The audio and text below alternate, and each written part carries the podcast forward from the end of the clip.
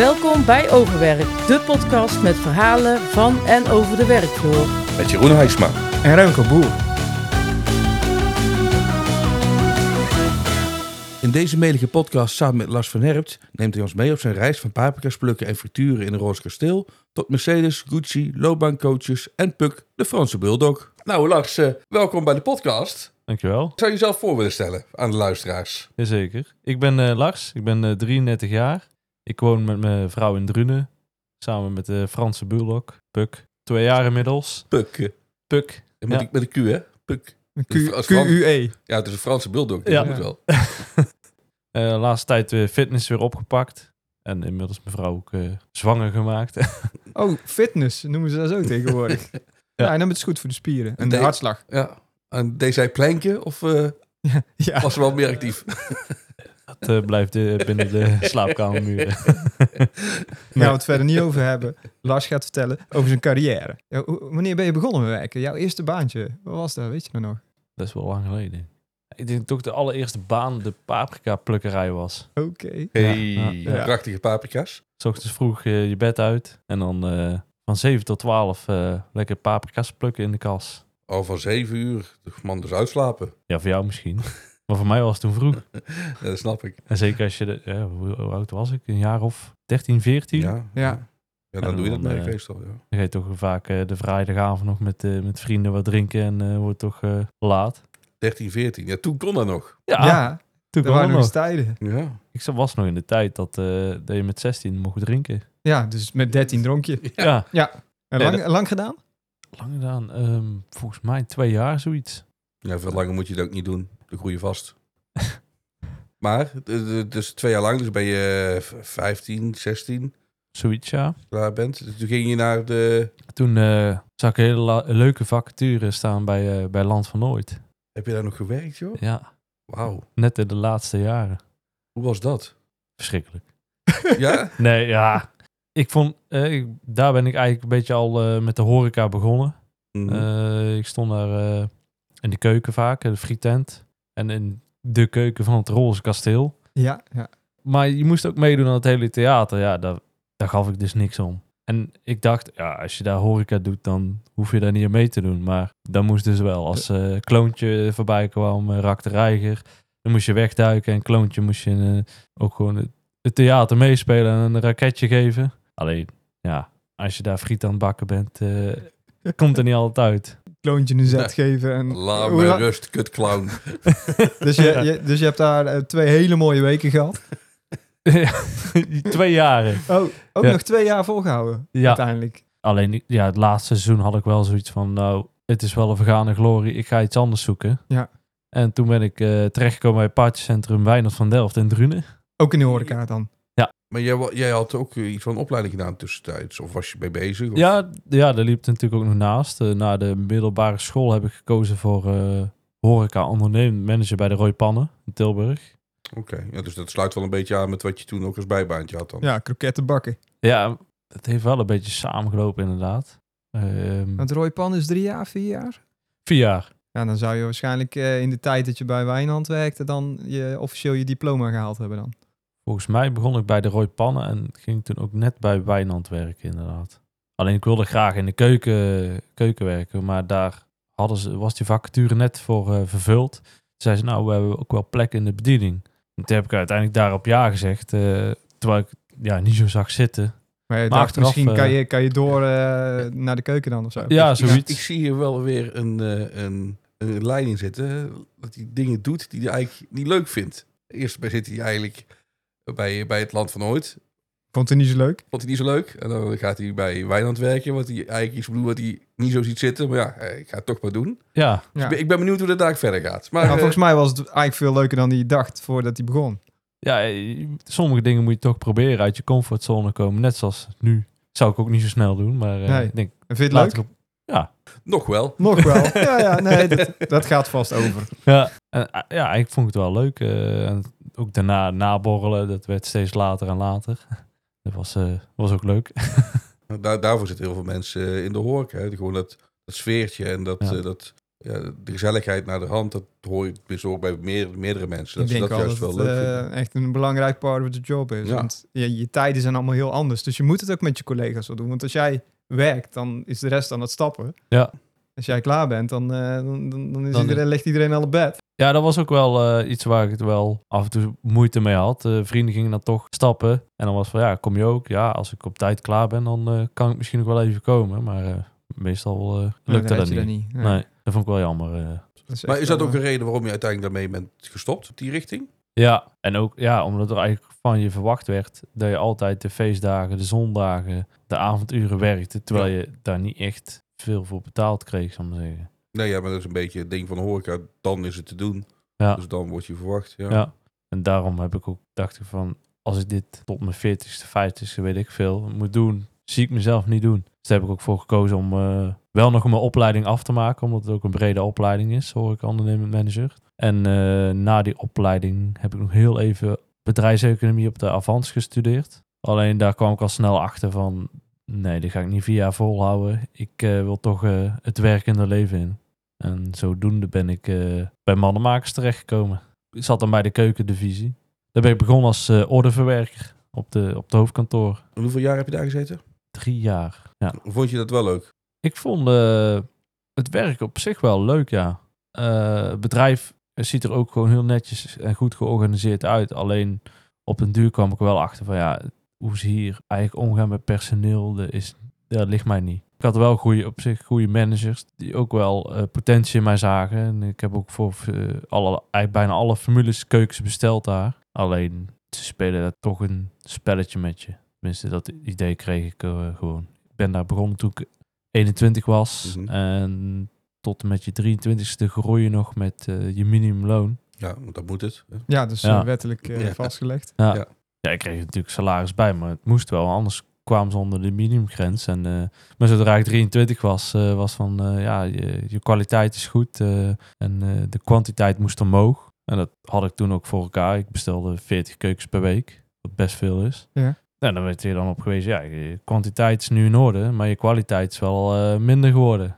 Dat ik zoiets had van, ja jongens, het, Wat- het is wat wil het je nou? Of Ja. het ander, maar Ja. allebei, ja, dat is niet menselijk. Ik ben benieuwd hoe dat zeg maar nu zou gaan. Want je bent al eventjes weg, denk ik, daar. Ja, al eh, 2014 ben ik dus Want met, dat ze nu met software misschien nog veel meer kunnen. Dat ze veel minder mensen rond hebben lopen. Ik, gewoon, ik heb geen idee, hè. Maar Ik heb echt geen idee. als ik zie wat eh, uitgebreide software nu kan, waar steeds minder handjes nodig zijn. Ik denk dat er toch nog best veel menselijk werk aan te pas komt eh, met bestellen van keukens. Want die verkopers, die tekenen daar de keukens en die maakten een bestellijst. En daar klopte soms zoveel niet van. Ja, dus het- er lag ook heel veel eigenlijk extra werk, omdat degene die jou het werk aanleverde ook eh, maar dat- niet altijd even... Ik heb er zelf was. ook gewerkt in die ordeverwerking. Dat, eh, de, de controlerende factor, dat was een van de belangrijkste dingen. Ja, Ja, want als je verkeerde spullen bestelt, ja, dan krijg je dus en dat het eh, die klant niet blij gaat zijn en dat het ook nog eens takkenslang duurt voordat het weer opgelost is. Want ja. ik weet niet hoe lang het doorlooptijd op een keuken zit, van bestellen tot bij de klant. Ja, er zitten al een paar weken tussen.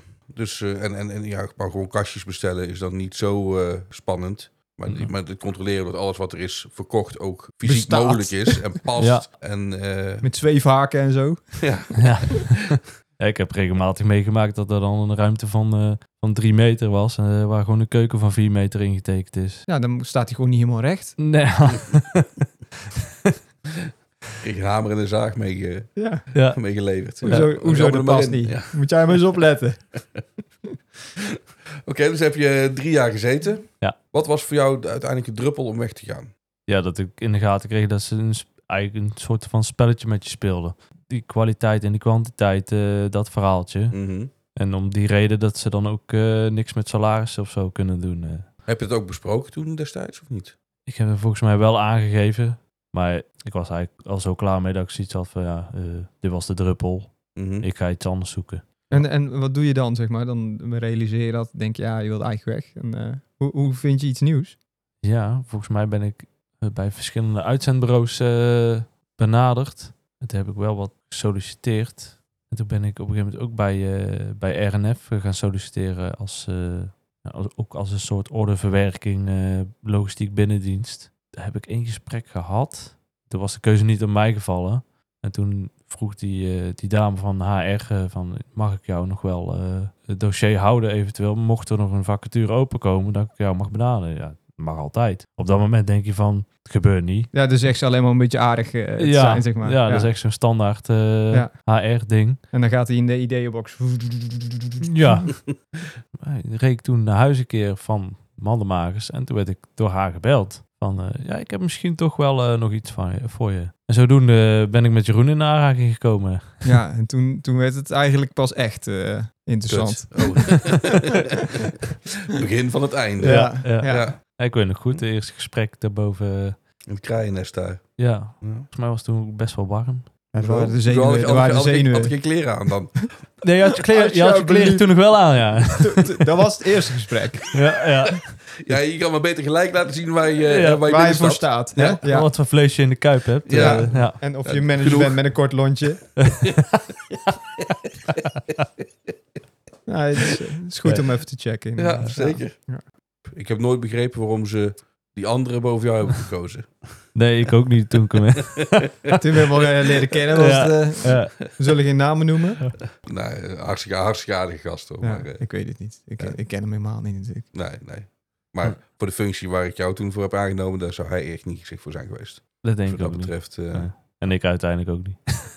Nou ja, ja. Het waren twee prachtige dagen. ja. Ik, daar ben ik het niet helemaal mee eens. Ik denk dat je geschikt bent voor de functie, maar niet binnen het bedrijf Nee, waar die functie bekleed moest worden. daar liep ik wel eh, aan het ja, einde want steeds de meer vorm tegenaan. scheelt een hoop. Hè?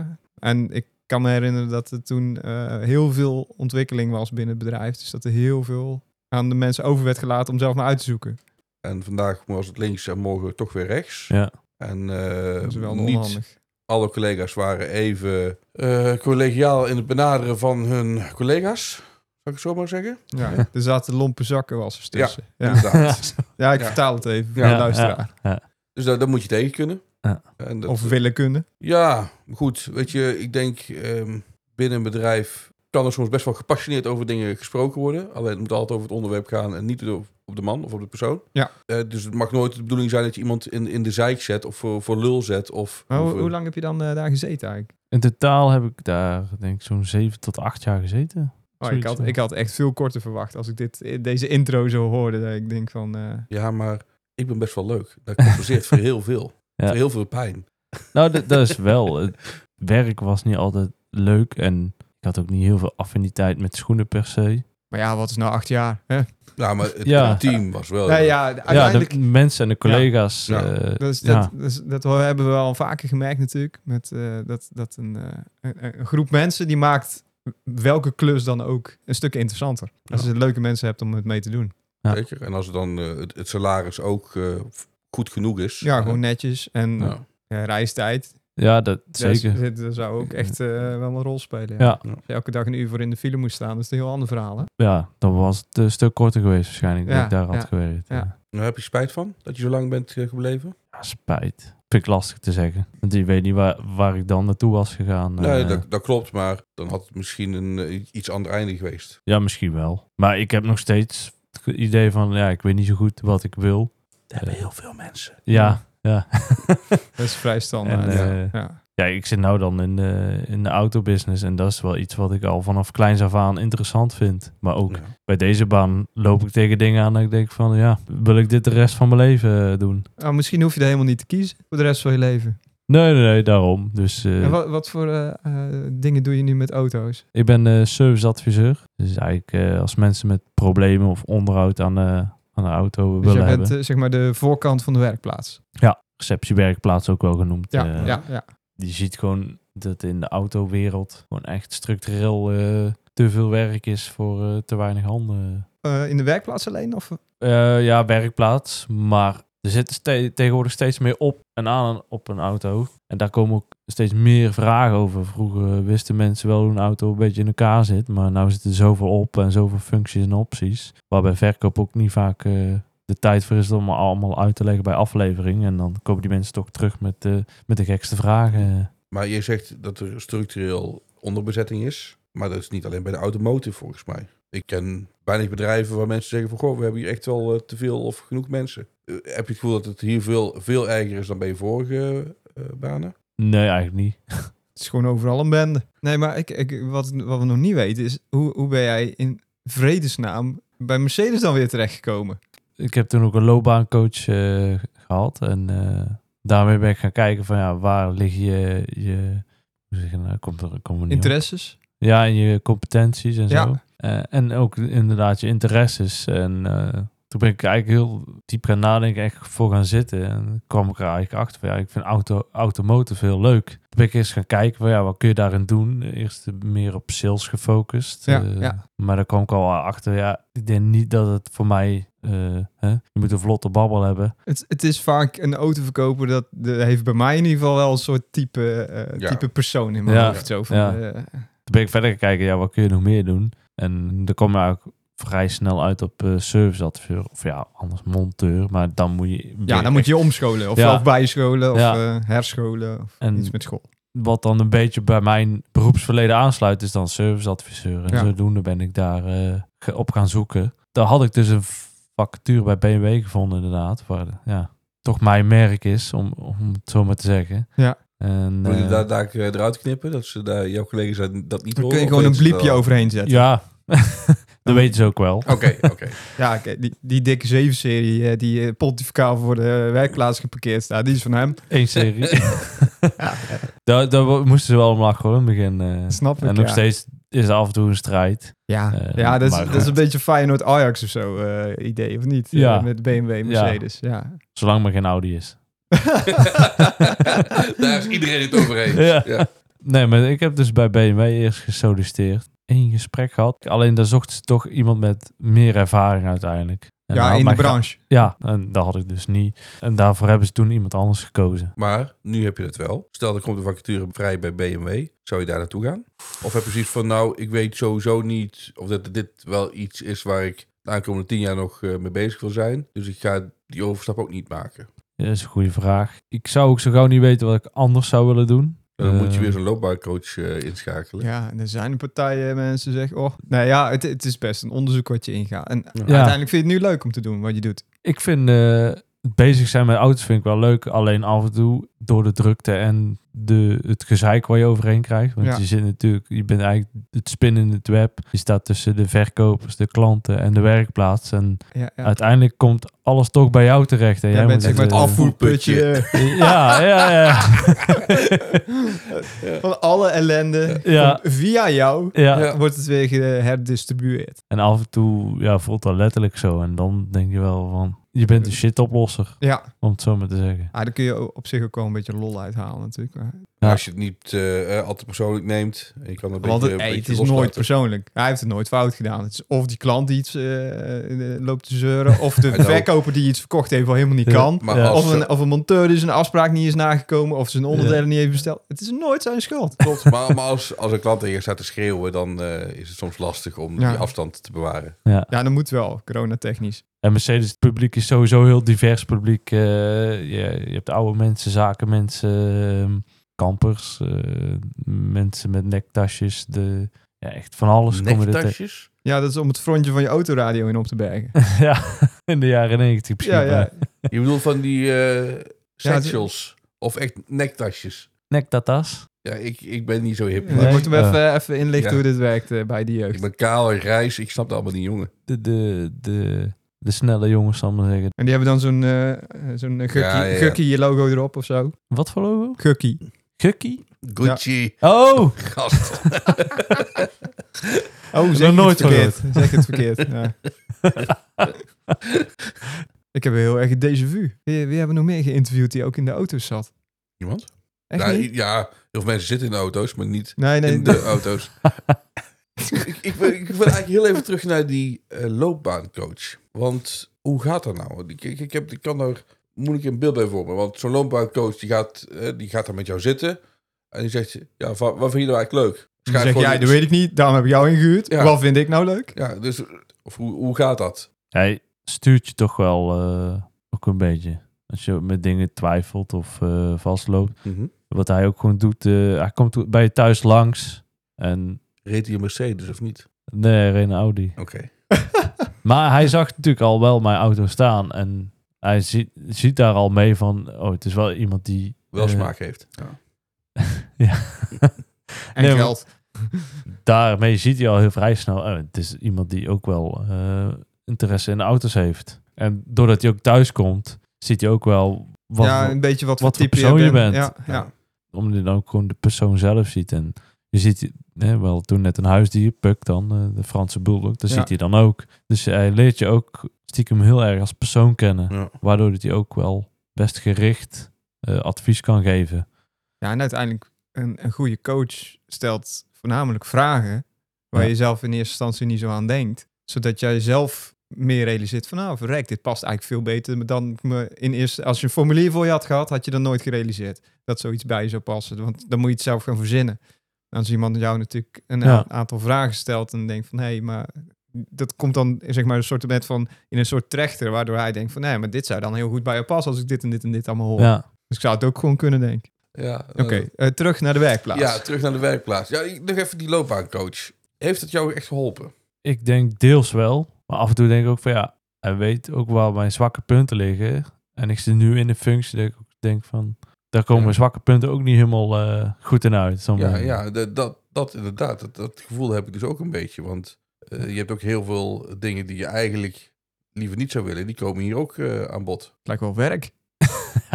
Ja, ik heb het niet zoveel. Niet, zo, niet zoveel als Lars. Je hebt altijd dingen die je niet zo leuk ja, vindt. de- ik, ik Maar- hanteer zelf altijd de 80-20 regel. Als 80% leuk is, dan kun je best 20% gezeik hebben. Want uiteindelijk, je kunt niks verzinnen wat 100% Nee, leuk klopt. is al de Ja, tijd. Klopt, maar klantcontact is niet iets wat, waar jij warm voor loopt, volgens mij.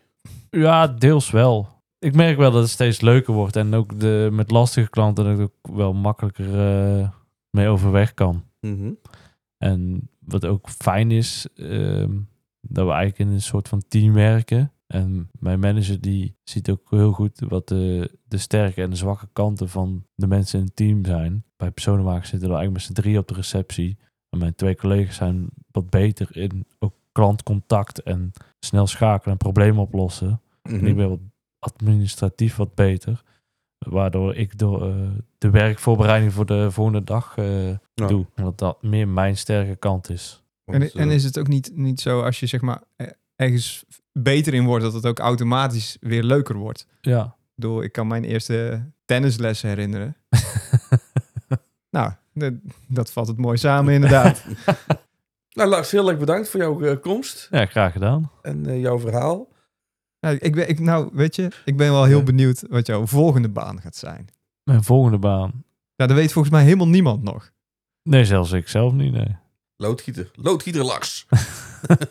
Ja, dat is wel goed met logo's zo, Ja, dubbel L. Dubbel Ja. L, ja. en een cape. Ja. Dat is goede branding. En dan krijg heeft je- niemand. En dan zie je toch een eh, leidinggevende functie misschien. Ja. Leiding. Dit was weer een aflevering van Overwerk. Tot de volgende keer. Heb jij nou ook verhalen die je wilt delen? Ga dan naar overwerkdepodcast.nl en wie weet zien we jou dan binnenkort in de studio.